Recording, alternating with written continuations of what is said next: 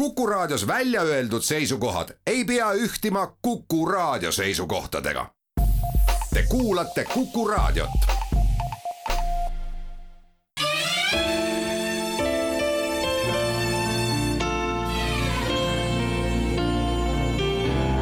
nädala raamat. Taavi Pae, Viguriga kaardid Postimehe kirjastuselt head kuulajad, Kuku selle nädala raamat on viguriga kaardid Eesti kujutatuna kaartidel, mille on koostanud Taavi Pae ja koostöös Tartu Ülikooliga on Postimehe kirjastus selle nüüd just aastavahetuse eel ka välja andnud. mina olen Marek Strandberg, saatejuht ja Taavi Paega, tere! tere! me täna ka ja kogu selle nädala vältel sellest raamatust ka räägime. me teame ju, et on erinevaid mingeid tegelasi, kes kõik on öelnud ühte ja sama asja, et see kaart ei ole ikkagi territoorium ja mis kõik veel, aga kaart ometi annab väga üle, hea ülevaate ka neist asjust, mida me ei näe, mis on sellise nii-öelda kaartidel suhete kujutamise ajalugu, noh, jättes välja geograafilised kaardid, mis olid suhted, kuidas rännata ühest punktist teise ja kuidas tagasi tulla, et millal hakkas nii-öelda maailm kasutama selliseid infograafikaid ja kaarte? jah, et äh, kartograafia tagasi jah, jätame need maade avastamise ajad välja kõik, aga eks ta seal üheksateist sajand, näiteks ajakirjandus kindlasti oli üks asi, kuhu pidi hakkama ühel hetkel mõtlema, et mingit infograafikat, et, et eks me niisuguste teemakaartidega olemegi seal kuskil ujume niisuguse kartograafia ja teema või noh, illustratsioonide piiri peal, sest osad kaardid võivad olla väga illustratiivsed või noh, et isegi mõtleme ajakirjanduse peale, kui kuskil oli vaja sõja, sõda kujutada, siis, siis kaart ongi ju kõige parem, et inimene saab ikkagi mõne sekundiga sellise ülevaate kätte, et ta ei pea, et ma alati mõtlen nii, et, et hakake kujutama, et seesama info oleks teksti kujul. et, et jõle raske oleks seda ära kirjutada kokku, et, et lihtsalt see kaart annab meile mõne sekundiga sellise ilusa ülevaate, mis toimub ja noh, ajakirjandus, ma arvan, on üks selline koht, kus see hakkas väga palju levima. Ja tänasel hetkel, kui me jõuame tänasesse hetke, siis eh, ma olen neid vahest hakanud nimetama ka sotsiaalmeedia kaartideks, ehk siis see sotsiaalmeedia on, pakub sellist väga head platvormi sellistele eh, ühekordselt kiiresti kasutatavale kaartidele ja just sellistele viguritega kaartidele, ilmselt kõik, kes on Facebookis või kuskil, siis aeg-ajalt neile viskab ette mingeid naljakaid kaarte. Ja, ja nad on väga ülevaatlikud, ma just vaatangi, et siin selles raamatus on nii-öelda jagatud siis Eesti kaartide peal, välja arvatud üks kaart, mis on kuukaart, see on nagu tavatu, aga eh, on siis jagatud kolme ossa, loodus, inimene ja, ja kultuur. Ja no sama, mis sa ütled, et võtad kaardi ette, kohe saad aru ja siis kujutad ette, noh, siin iga kaardi juures on, eks ole, seletus, mille tõttu see kaart tehtud on, aga täpselt nagu sa ütled, et võib ju ette kujutada, et võib kirjutada lehekülgede viisi juttu sellest, mida sellel kaardil kujutatud on. jah, selle, selle raamatu puhul, et mõni kartograaf ütleb, et kaart peab olema nii hea, et sinna juurde ei tohi midagi kirjutada enam, et sa saad kõik sealt kätte, aga me ikkagi oleme natuke patustanud selle vastu, et et iga selle kaardi juurde ka natuke kirjutanud, et mis on selle selle teema või selle kaardi taust siis, et kust need andmed pärinevad või on, või on kasutatud mõnda huvitavat kartograafilist meetodit, nii et, et natuke teksti ka ikkagi, et siis vormub see üks tervik. no kogu selle Postimehe vahel ilmunud viguriga kaartide ajalugu, kes selle alguse tegi, kas see oli teadustoimetaja Kaur Maran, mu eelmine kolleeg vist või, või mis see algus oli, räägi see lugu ka ära algus oli tõesti nii, et Kaur on siis see, kes võib öelda, et on ristiisa ja ütles, et, et tuleb tegema hakata või et, et kas, kas te hakkaksite tegema, aga seal taustal oli just see, et oli ilmunud Rahvusatlas mõni aasta varem ja iga november on kartograafidel selline väljakutse et Twitterisse postitada selliseid sotsiaalmeediakaarte ja siis Kaur neid kõiki oli näinud ja mõtles, et aga et mis nad ainult seal sotsiaalmeedias levivad, et kas te äkki hakkaks iga laupäev postitama siis lehe vahel ühe kaardi ja siis sinna väike jutt juurde ja nii sai see alguse, et kahe tuhande kahekümne esimese aasta jaanuarist siis ilmusid esimene kaart ja nii sai need poolteist aastat jutti siis avaldatud. ja need on siis, kas kõik on siin või midagi on ka juurde tehtud, mis on siis kokku võetud selles äh, raamatukeses? Ei, me ikkagi mõtlesime, et paneme siis kõik, et, et, et, et siinkohal see mõte läks ka veel niiviisi, et, et kui ta seal ajalehes ilmus, ajaleht on üldse väga halb formaat äh, sellise kaardi tegemiseks, sest ajalehe paber on väga halb. just, ja, ja ma vaatangi mitte... väga paljud asjad, mis siin nii-öelda hea trükiga ja suure lehe peal näha on, äh, mõningaid mäletan, mis nagu ajalehetrükis tegelikult kaotsi läksid jah, ja, ja, samas jälle meil oli ka, on ju, paljud inimesed loevad ajalehte arvutist, jälle arvutis võib paista mõni asi jälle väga ilus. Ja noh, see kartograafide või meie endi teada või noh, see on üldteada, et iga asi, mis sa mustana teed arvutis, on väga hea, aga proovi sa seda näiteks ajalehepaberi peale trükkida, siis seal tuleb üks plönn välja, nii et, et see oli ka see mõte, et, et need ikkagi need kaardid, mis levisid noh, Postimehes ja kuskil sotsiaalmeedias, aga et need oleks ikkagi raamatuna, noh, ma ei tea, kas see on igavikustamine kaartide puhul, aga, aga no vähemalt nüüd on ta tiražeeritud kvaliteetselt erinevatesse kohtadesse, et kui elekter välja tõmmatakse. ja siis, siis on raamat avatav tõesti, ei ja, ole lukku täpselt. peal, nii et see ja, ja nad on nagu vapustavad selles mõttes, et ega noh, võtan siin kasvõi näiteks lum, lumikattekaardi, eks ole, milliseid väiteid igasuguseid väga palju aga äh, saan sind teada näiteks, et kõige pikema lumekattega periood on olnud äh, sada nelikümmend üks päeva. Ja see on Ida-Virumaal, mis on, mis on aga... nagu iseenesest omapärane fakt, et kõik teavad, et kusagil seal Lõuna-Eestis on kogu see meie talvepealinn, aga selle pildi peale vaadates, ohoo, vabandage, aga Kirde-Eesti on see koht, kus me peaksime talispordi ja puhkekeskusi omama. ja see on õige, sest ta on ju kõige põhja pool või kirde pool kõige kontinentaalsem kliima, eks selle lumega, kui me räägime, lumi on praegu ka aktuaalne ju, et, et lihtsalt Haanjas pole võib-olla meil nii häid andmeid pole mõõdetud, et aga Haanja tegelikult käitub suhteliselt samamoodi nagu Ida-Virumaa, aga see, et juulikuus on lumi maas, see on tegelikult nii ongi, et on olnud ekstreemseid aastaid, kus on juulikuus Haanjas leitud lund, nii et mitte küll lausaliselt, eks ju, aga üle poole aasta võib olla lund maas Eestis rekorditena. nüüd me muidugi räägime siin ka kliima soojenemisest jälle, et äkki, äkki no, need rekordid samas, ei, enam ei tule rekordeid. ja samas ega see kliima soojenemine, mis on nagu ekslik selline no termin võib-olla, et äh, tähendab ju seda, et meil on lihtsalt atmosfääris rohkem energiat, aga see energia ei pruugi igas maakera punktis alati vabaneda just soojusena, vaid ka äh, noh, mõnes mõttes me võime öelda ka ju näiteks, et siin äh, möödunud nädalal aset leidnud meeletu kiirjahenemine Ameerika Ühendriikide kesk- ja põhjaosas, et aga see on mõnes mõttes ju kliima soojenemise tagajärg. jah, kui me lume juurde veel jääme, ega lume jaoks ei ole ju muud vaja, et alla nulli natukene, et ega ei ole vaja väga külma. just, milline nii-öelda neist kaartidest sulle endale kõige südamelähedasem on? ma arvan, et ma ikkagi pean seda Uka-Uka ja Trifaa kaarti, et see, see on, ka, mis on kaane peal. jah, see, mis on ka kaane peal ja see on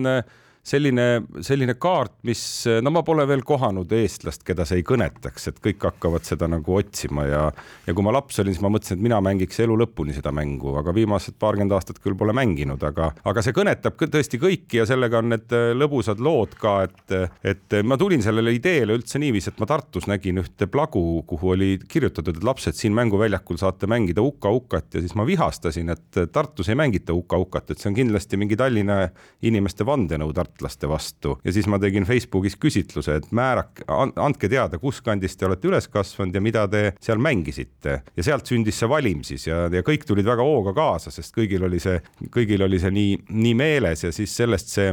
sellest see andmestik sündis ja, ja noh, et kaardina ta on ju tegelikult selline noh, lihtne kaart. Eesti on pooleks välja, välja arvatud mõned punktid Saaremaal. jah, et Saaremaal on ka mängitud ja Saaremaal on veel paljud ütlesid, et või mitmed, et trifaatorit, et noh, seal on mingid variatsioonid natukene, aga, aga noh, üldjoontes see pilt on midagi sellist ja kui ma sellest kellelegi alati räägin, siis nad ütlevad, et on jah nii, et näed, mina olen kuskilt Võrust või Põlvast ja me mängisime ikkagi ainult trifaat ja, ja ja mujalt siis ainult uka-ukat, nii et, et see on siis selline noh, Eesti kultuuri jaoks väga tähtis asi ju, et, et mida sa siis mängisid. aga, aga kui veel tulla selle kaardi juurde, siis tegelikult inimestele meeldisid nende kaartide juures just need lihtsad kahendkaardid, et see on ka selline huvitav mõttekäik, et me üsna kiiresti saime aru, et, et äh, seal on ka mõningaid keerulisemaid kaarte, kus sa pead süüvima, lugema legendi ja et, et see on nagu natukene keeruline, aga see, et ütled, pang on siin ja ämber on seal Uka-Uka on siin, Trifa on seal, see on kohe inimestele mõistetu, mõistetav ja nad samastavad kohe, on jah nii, näed, et ma olen ka ju niiviisi käitunud või rääkinud. aga sellest räägime edasi juba oma järgmises saate osas head kuulajad, Kuku selle nädala raamat, Viguriga kaardid raamatuks tehtud Taavi Pae koostatud, äh, Tartu Ülikooliga koostöös Postimehe kirjastus välja andnud sel aastal. mina olen Marek Strandberg, saatejuht ja Taavi Paega me täna ka ja kogu selle nädala vältel sellest raamatust ka räägime. vaatame siin neid kaarte edasi. loomulikult äh, ma kujutan ette, et sellega võib aega veeta pikalt ja ma kujutan ette, et ka no üks asi, mis ilmselt on geograafia õppimise jaoks oluline. Taavi, kas see raamat võiks olla ka koolis selliseks nii-öelda käepäraseks õppevahendiks? ma arvan küll, et seal on kaarte, mida saab kasutada väga erinevatel äh, eesmärkidel ühtepidi noh, et Eesti regionaalsust tutva, tund, tundma õppida või mingeid äh, erinevaid äh, kultuuri, kultuurilisi nähtusi, mis on regionaalselt erinevad, aga no ma toon näiteks ühe näite, et üks mu lemmikkaartidest on seal ka Eesti kihelkondade kaart, et kihelkondade kaarte on meil tehtud palju või noh, piisavalt, aga see on lahendatud sellises võtmes, et sinna juurde on tulnud nelja värvi probleemi küsimus, et ehk siis, et kas nelja värviga on võimalik Eesti kihelkonnad või maailma maad või, või, või Aafrika riigid või et kas on võimalik nii ära värvida, et samad värvid ei puutu kokku? Ja see on juba matemaatiline küsimus, eks ju, ja see üheksateist sajand tõstatus ja tegelikult alles arvutiajastul arvuti lahendas ära, et on küll jah, aga niisuguse väiksema piirkonnaga nagu Eesti on see, seda võib igaüks ise kontuurkaardiga lahendada, nii et tegelikult me tuleme selle me saame teada Eesti kihelkondadest midagi, aga me võime minna ka sellega näiteks matemaatikasse ja vaadata, et kas saab nelja värviga ära värvida näiteks mingi, mingi piirkonna riigid, et, et ma arvan, et selline mõttearendus ka avardab seda kartograafiat. üks päris põnev kaart, mis puudutab nii-öelda äh, kultuuri natukene, on siis kiviaedade kaart mis on väga huvitav, et kui võrrelda seda näiteks sealsamas raamatus olevate kultuskivide jaotuskaardiga, vot see ongi nagu see, et mis võiks olla, et sa saaksid neid kaarte üksteise peale panna, see oleks hästi põnev, et võrrelda, siin on mitmeid asju. ja veel si, ja veel sisse suurendada ka. ja veel sisse suurendada, aga ma, ma, ma mõtlengi, et kas selline nii-öelda veebirakendus või võrgurakendus põhimõtteliselt täna nendel kaartidel on olemas või nad on ikkagi nii-öelda üsna staatilised ja sellega olime alguses, puutusime sellega kokku, et eh, nii-öelda ajakirjanduse poolt või et, et, et see tundus, et see võiks olla nagu lihtne, et, et, et me teeme ühe kaardi, mis läheb ajalehte, teine on arvutis ilusti vaadatav ja kui, kui sa oled arvutis, siis sa võid ka sisse suurendada ja sulle avanevad mingid muud eh, kihid, et aga et sellise asja tegemiseks, see tegelikult eh, nõuab raha ja inimesi, et see ei ole niisama teha, et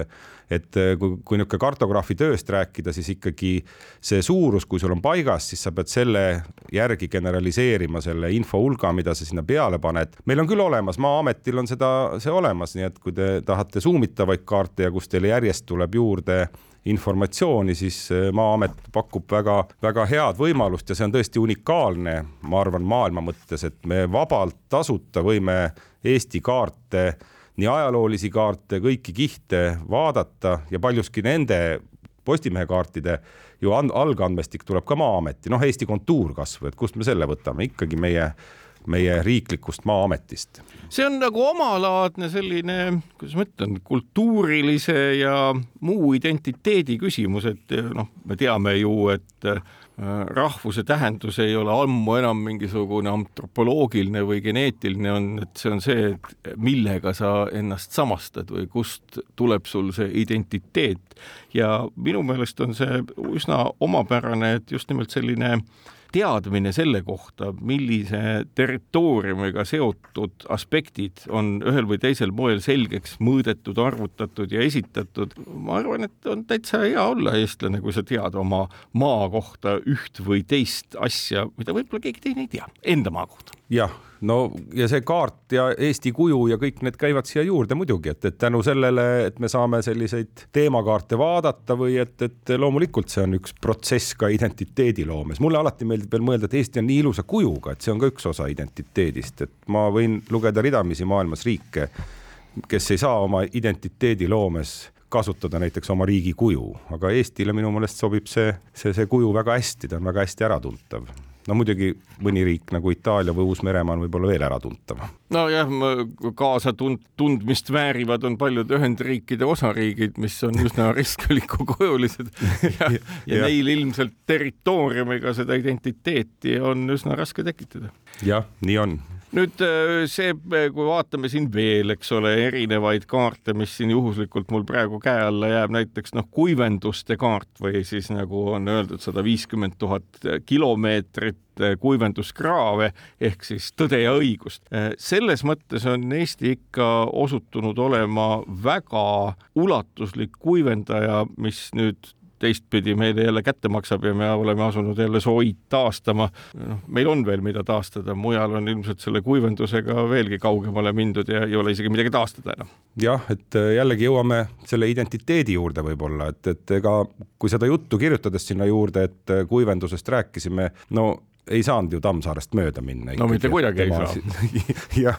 aga see kaart on selles mõttes ka huvitav, et kui sellele pilk heita, et jällegi, kui jõuame selleni, et kellel pilk pidama jääb ja hakata mõtlema, siis näiteks keset Eestit või ütleme, põhjapoolses Eestis on üks suur ala, kus ei ole ühtegi kraavi, kus ei ole midagi kuivendatud, et see on Pandivere kõrgustik, et igal pool mujal on kuivendatud, aga tegelikult seal ei ole, ühtegi vooluvett ei ole seal. ja no põhjus on see, et Pandivere on hiigelsuur karstiala tegelikult ja kõik, mis sajab, läheb, imbub maa sisse ja meil ei ole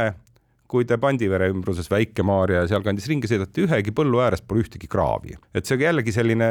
mõte, mida võib-olla esmapilgult ei, ei tabagi, aga tõesti, kui sõita läbi Pandivere, siis midagi nagu oleks teistmoodi ja seal on puhas siis loodusgeograafia taga. ja Pandivere kandis, ega mullad ju seal kehvad ei ole? ja see on kõige Eesti kõige paremad mullad, Eesti kõige rohkem või noh, ütleme intensiivsema põllumajandusega piirkond ja ega siis ilmaasjata juba nõukogude ajast ei tehtud, et see oli nitraaditundlik ala, et ehk kõik väetis, mis sa sinna panid, see läks mõnusalt ka sinna kohe põhjavette ja tuleb suurte jõgedena välja ja jõuab ka näiteks Tartusse ja igale poole, et, et. ehk et Pandivere väetiseliig on ka Tartu joogivee osaks saanud noh, võime ka nii öelda jah, et ja, ja mõjutab poolt Eestit põhimõtteliselt. ja siin kohe vahetult ennem seda ongi nii-öelda meie jõgikondade kaart, noh, kust on siis näha, kuhu jõed voolavad ja selles osas ju kogu selle kaardipildi vaatamine ikkagi näitab meile välja seda, et ega üks territoorium, isegi üks riik isegi näeb välja nagu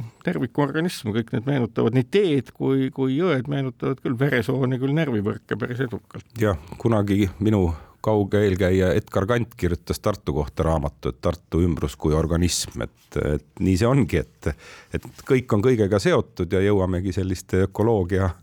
põhialusteni. aga räägime edasi juba neist asjust järgmises saate osas. head kuulajad, Kuku selle nädala raamat viguriga kaardid, koostaja Taavi Pae ja siia on üles tähendatud mitmed kümned-kümned kaardid erinevatest äh, Eesti aspektidest mina olen saatejuht Marek Strandberg ja Taavi Pae meil sel nädalal ka Tartu stuudios äh, vastu kõnelemas. Äh, rahvusloomast hundist ka väga selline, lihtsalt kirjeldan mõnda kaarti ja et äh, aru saada, millist informatsiooni kõike kaardi peale pannakse. ja siin on siis muuhulgas siis on õnnestunud, ma saan aru, raadiosaatjaga hundi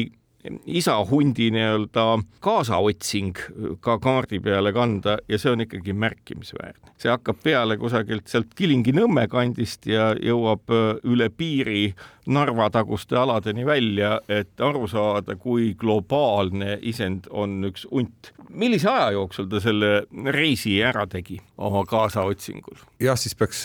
ruttu kaardi pealt vaatama, aga see jah, ta käis vahepeal Paldiski juures seal ära ja. ja, ja, ja ei, see on see... nagu ikkagi igal pool, kus sai. et, et, et see ilmselt ega seda kaarti tehes ja see andmestik ju pärineb tegelikult zooloogidelt, et ega siis äh, mina ka ei olnud nii mõelnud, et tõesti, et kui üks hunt nagu, kui tal siis ikkagi see hetk peale tuleb, et ta peab omale mõtlema seda nii-öelda järglaskonna peale, siis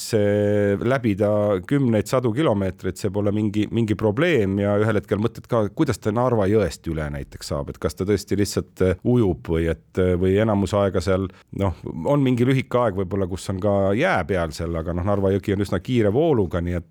et noh, tekib nagu palju küsimusi ja, ja ega siis see raamat või need tekstid ka ei vastagi nendele kõigile küsimustele, võime ka ju nii mõelda, et, et võib-olla seda kaarti nähes sirgub meile kunagi mõni uus hundiuurija üldse, kes, et, et näeb, et see on nii, niivõrd põnev, et, et kuidas ja, ja millised võimalused meil tänapäeval hunti uurida on, et, et see raadiosaatjaga äh, tema jälitamine on ju tõesti, oli, andis ju ikkagi väga head informatsiooni ja tema lõpp vist oli üsna kurb, et äkki ta lasti Vene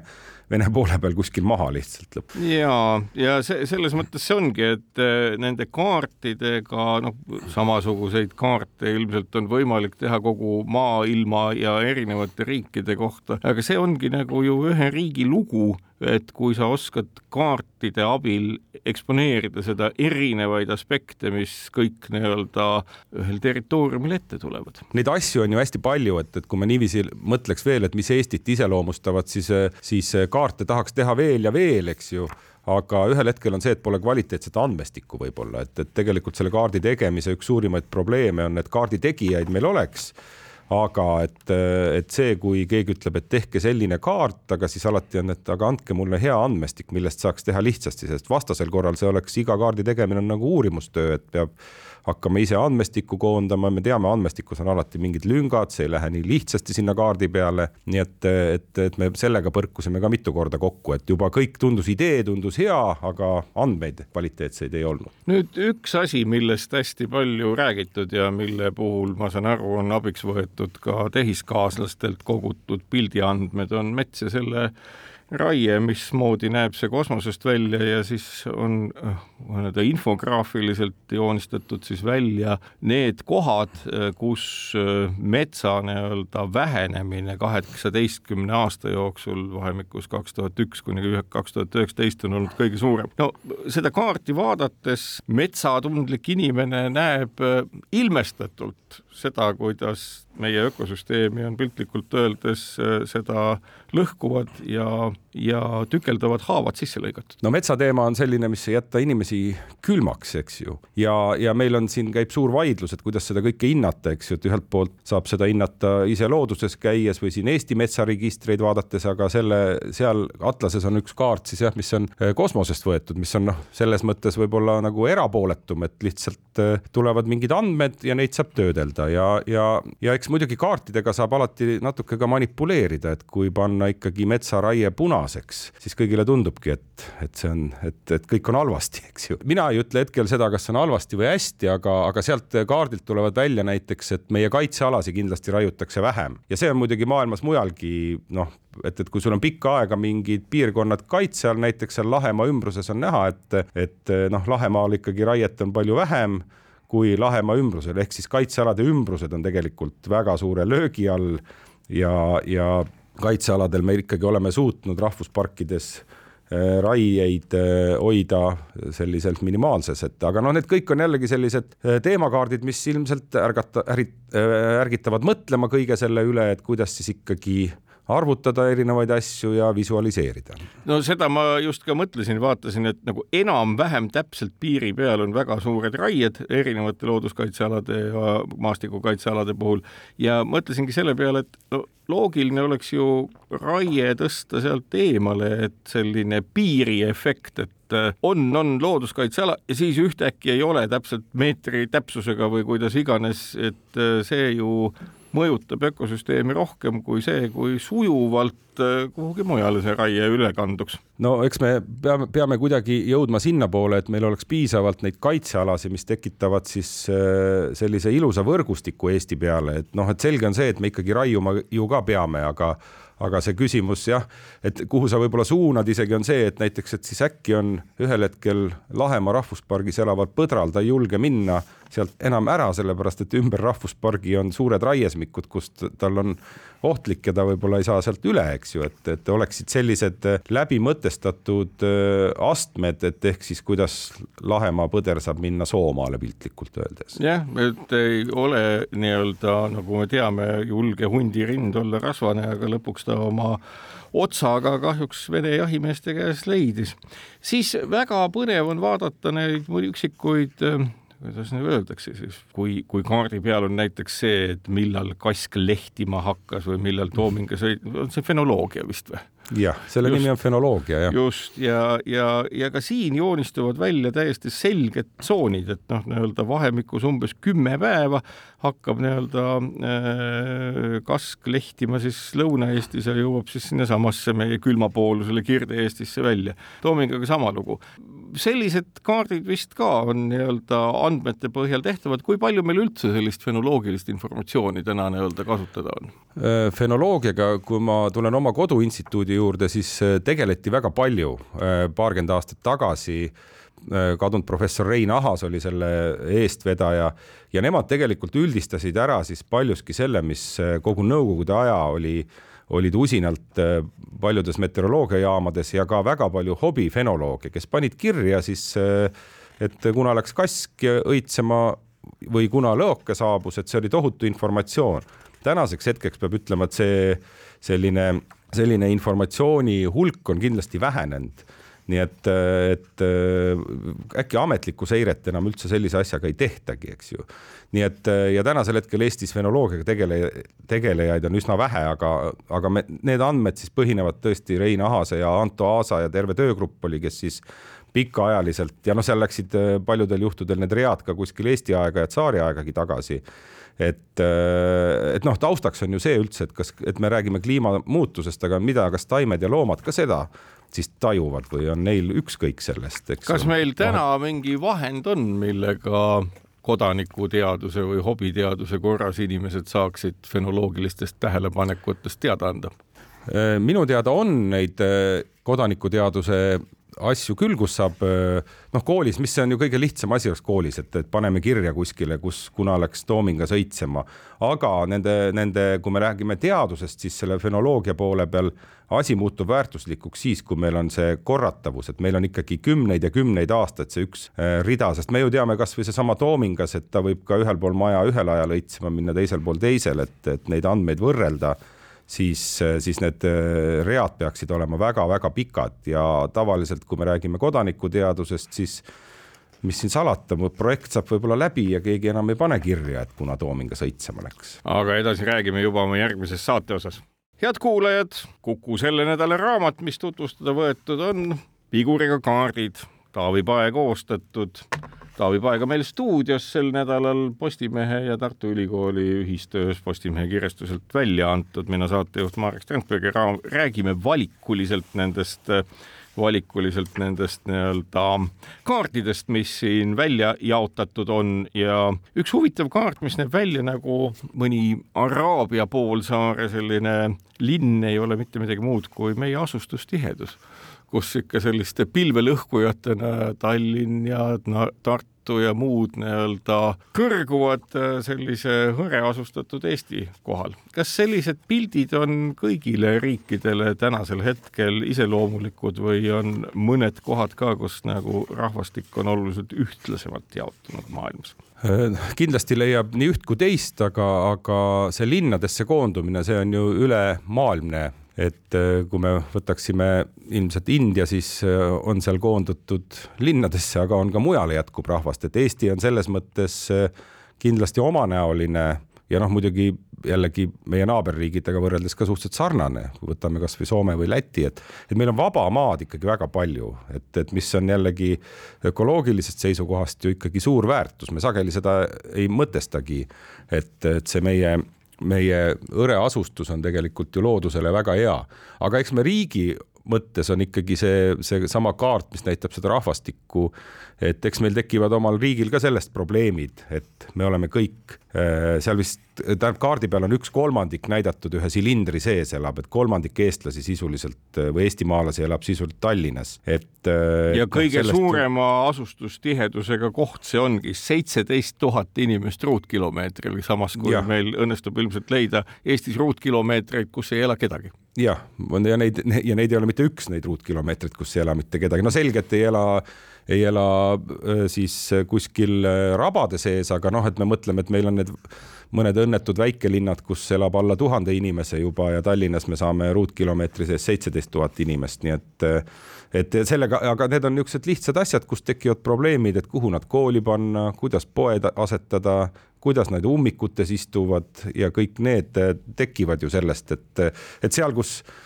on riudkilomeetreid, ei ole inimesi, seal ei ole ka näiteks ummikuid ja saab väga rahulikult autoga sõita, kui muidugi teed enam on jälle. ja, aga igal juhul saab seal tasuta parkida, et kui kellelgi nagu Tallinnast parkimisega nagu äh, nagu kalliks läheb, võib väikelinna parkima sõita ja kohe järgmine kaart seal leheküljel ongi see, et kuidas, kus käivad eestlased ja venelased nagu oma aega veetmas ja see on nagu tähelepanuväärne. kas nende kaartide tegemisel kasutatakse siis mida?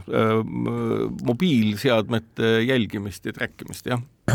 jah, et, et, et paljud kaardid äh, on pärit meie tegelikult osakonna teadustöödest siis, et, et kui on äh, keegi teinud äh, mingi teadustöö, siis me proovisime selle sellises populaarses vormis vormistada kaardina ja antud juhul jah, et see eestlaste ja venelaste, muidugi küsimus, kuidas teha eestlaste ja venelaste vahel vahet aga see on ka nutikalt lahendatud, et ehk siis mobiilioperaatoril, et millise keele on nad pannud oma, oma selleks nii-öelda, millega ta tahab suhelda et sealt tuleb see, see rahvuse teema ja siis mobiil jah, positsioneerimisega, mis siis noh, selles mõttes, et ega see on ju selge, et venelastel see nii-öelda vaba aja veetmine liigub sinna Ida-Virumaale, mis te tegelikult tähendab siis vastupidi, et paljud Tallinna venekeelset räägivad inimesed on pärit äh, Ida-Virumaalt et, et tavaline venekeelne inimene ei sõida jaanipäevaks kuskile Lõuna-Eesti küngaste vahele. kuigi osaliselt teevad... väike hulk sõitjaid siiski on, kõvasti vähem ei. kui eestlaste hulgas, kolm korda vähem käib nii-öelda Tartus kui eestlasi jah, et aga noh, see ongi meie riigi siis või noh, me saamegi teada, et me tegelikult siis selliselt äh, keelepõhiselt ka kasutame oma ruumi erinevalt, et et, et see teadmine on meil täiesti olemas. nüüd äh, üks omapärane kaart, mis ei näe üldse Eesti kaardi moodi välja, vaid näeb kui mingisugune kummaline elukas, äh, on äh, kaardid, kus üks või teine territoorium puhutakse suureks või imetakse kokku ja see on välisturistide külastatavuse kaart. ehk et turismisektoriga on ka niimoodi nagu, nagu elanikegagi, et Tallinn riisub koore ja kujutab no. endast sellist, äh, see, see kaart on selles mõttes nii-öelda noh, ta, ma isegi ei oska öelda, ta meenutab nagu mingisugust täid või puuki või mingit sellist no, parasiiti. jah, ja, ja et, et mitte öelda siis, et Tallinn on nagu puuk. mõne, sinna ma tahtsin jõuda, ehk et ütleme tegelikult kaardi selline väljanägemine on üsna iseloomulik just nimelt sellega, mida, mida, mida, mida see tegelikult tähendab. jah, see, see on kummipaela meetod või selles mõttes, et eks ta ühtepidi ole nagu il, siis visualiseerimise meetod, et kui sa tahad midagi näidata, mida on väga palju, siis seda on kasutatud, selle juured muideks lähevad tagasi sellise meheni nagu Edgar Kantka, kes on seda kasutanud viiekümnendatel aastatel Rootsis, et ehk siis et, et territoorium alati ei pea kaardi peal olema seesama suurusega, et kui sa tahad midagi näidata, mida on ühes äh, siis äh, üksuses väga palju, siis sa võidki selle nagu täis puhuda, et, et siis see visualiseerib seda palju paremini, mõnikord on vaja sinna lisada ka näiteks mingit informatsiooni, et üsna samal meetodil on Atlases üks kaart näiteks emakeele rääkijatest, eks ju, et selge, et Eestis neid äh, erinevaid emakeeli räägitakse kõige rohkem Harjumaal, sest seal on ka kõige rohkem rahvast ja siis, et näiteks ära mahutada kogu see emakeelte kirjusus, siis seal on ka samamoodi see Tallinna või Harju maakond äh, lükatud selliseks äh, nagu õhupalliks, et võrreldes Põlva või Hiiumaaga on neid emakeeli palju vähem, et see on üks näide kartograafilisest meetodist lihtsalt, mida teatud juhtudel saab kasutada siis. Nüüd äh, üks haridussaarestiku kaart, küsingi selle kohta, siin on siis niimoodi, et äh, värvikood näitab seda, äh, milline on sõiduaeg lähimasse üldhariduskooli, sõiduaeg. Kas äh, see, et me oleme autostunud ja lapsed ei liigu mitte ise kooli, vaid sõidavad kooli, mm, noh, mille tõttu noh, Eesti näeb üldse üsna sõidetav nii-öelda kooli, koolis käimise mõttes ka välja aga kas sinna kõrvale saaks panna ka selle, et kui kaua laps näiteks jalakooli läheks? missugune see kaart siis välja näeks? ma arvan, et seda on uuritud ka, et, et kuidas et antud juhul see, see kaart on lihtsalt ju üks arvutuslik, et kus on meil koolid ja, ja, ja teoreetiliselt, et kui palju siis lubatud sõidukiirusega sa kooli jõuad, et, et saaks, kindlasti saaks, aga jällegi see jõuame tagasi, et meil ei ole andmeid võib-olla kohe võtta niiviisi, et me saaks kaarti. Ja antud juhul see oli natuke ka nagu niisugune koolikaart ja, ja muidugi, kui peale vaadates, siis selgub, et, et Eesti on nii koolidega nii ilusti ühtlaselt kaetud, et noh, mõnest kohast muidugi on natuke pikem maa, aga teisalt me jälle jõuame kuskile, kus me räägime koolide kinnipanemisest, eks ju, kus see jällegi see kaart kohe muutuks. aga edasi räägime juba oma järgmises ja viimases saate osas head Kuku kuulajad, Kuku selle nädala raamat Viguriga kaardid, koostaja Taavi Pae Postimehe kirjastuse ja Tartu Ülikooli ühistöös välja antud Postimehe kirjastuses. Taavi Pae meil stuudios, mina Marek Strandberg ja räägimegi nendest kaartidest. nüüd ma saan arugi, et kogu selle kaardimajanduse tegemise käigus nagu üks asi, mis selgeks sai, on see, et vaatamata sellele, et andmeid on väga palju ja kurdetakse selle üle, et andmemaht aina suureneb ja suureneb, on seda ometi liiga vähe selleks, et nii-öelda veelgi detailsemat näiteks ülevaateid saada selle kohta, mida Eesti endast kujutab. jah, no andmeid jah, sa ütlesid õigesti, et andmeid on palju ja, ja aga et võib-olla antud juhul, et kui me räägime niisugusest Eesti visualiseerimisest, siis äh, siis meil võivad olla näiteks väga detailsed asja, andmed mingi asja kohta, aga siis võib-olla tuleks hakata generaliseerima, aga see on juba omaette töö, et ehk siis ikkagi jõuame selle, selle optimaalsete andmete äh, juurde tagasi ja, ja kui me räägime viguriga kaartide raamatust, siis, äh, siis see, siis see kaart peaks olema ikkagi mingi natukene niisuguse, mitte ainult noh, viguriga, aga ta peaks nagu inimesi kõnetama ka, et palju on ju selliseid teemasid, mille peale võib-olla inimene kehitab õlgu, et et noh, mis siis ikka, eks ju, et, et me proovisime siis anda parima, et need oleksid natukene niisugused noh, inimesi kõnetavad kaardid ka ja muidugi peab arvestama, et selles raamatus on päris palju selliseid päevakajalisi kaarte, et, et kohalike omavalitsuste valimised näiteks. näiteks jah, et kus sai kirja pandud need valimisliidud, mis on ka omamoodi kultuuriväärtus, et vaadata, kui palju Äh, meie kodu oli vist äh, niisugune kõige levinum või et äh, või näiteks Ukraina sõda ikkagi, et, et, et kui see Ukraina sõda algas või sõda Ukrainas, ütleme siis niipidi ikkagi jah,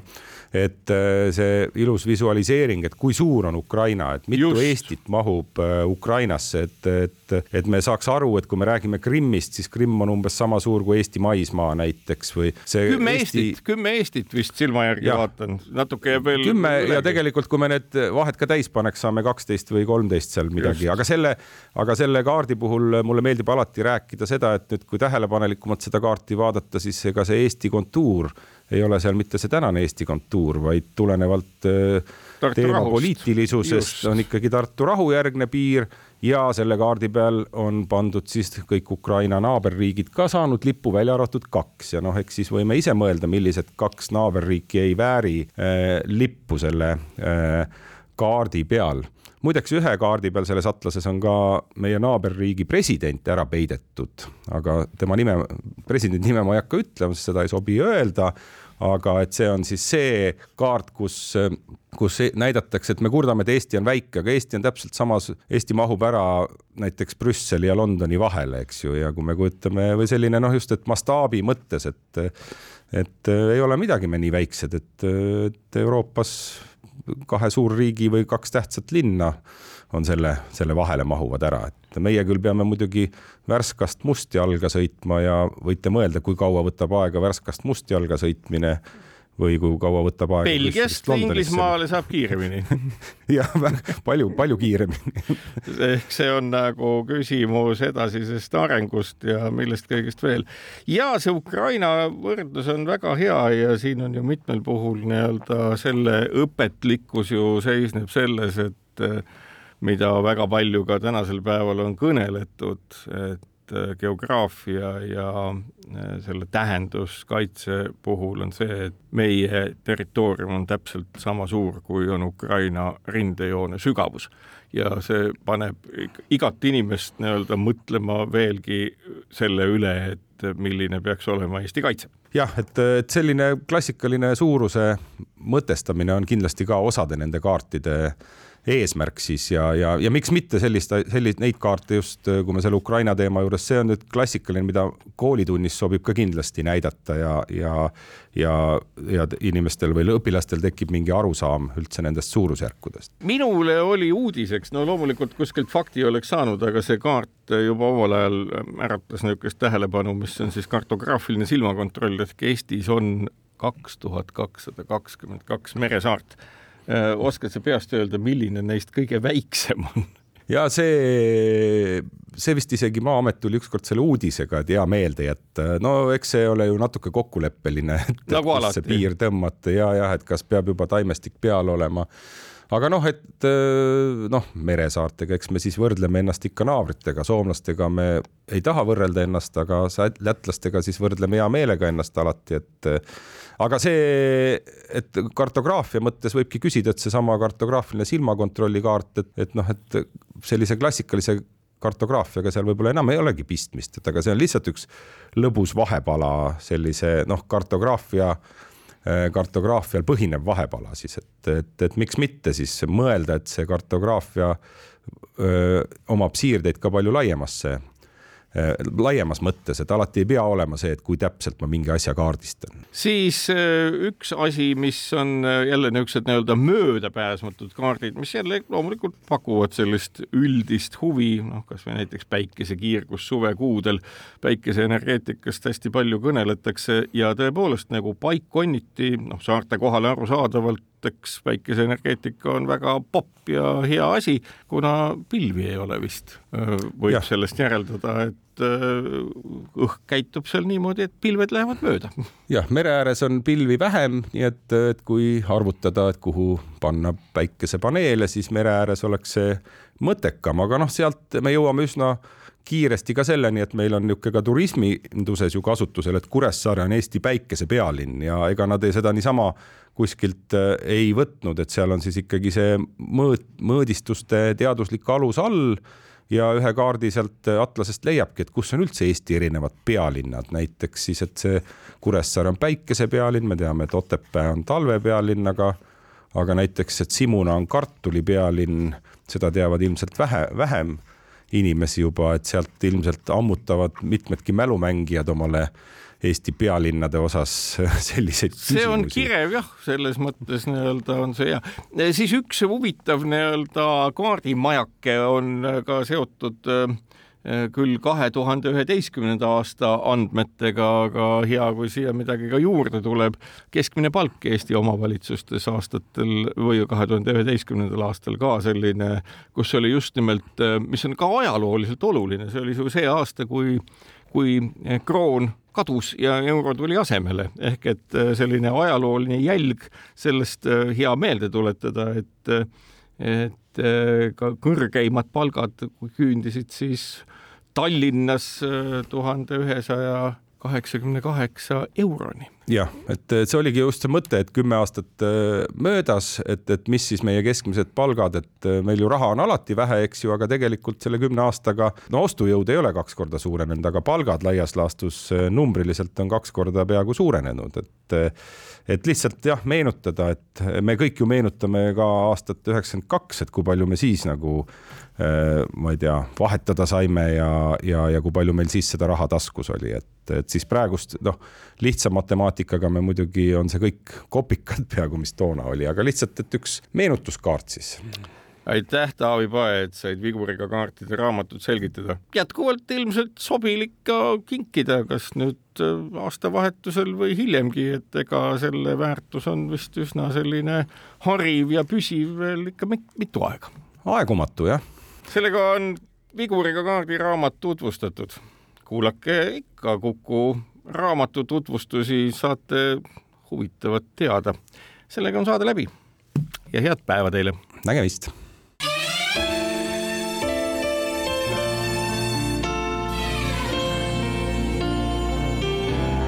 nädala raamat. Taavi Pae, Viguriga kaardid Postimehe kirjastuselt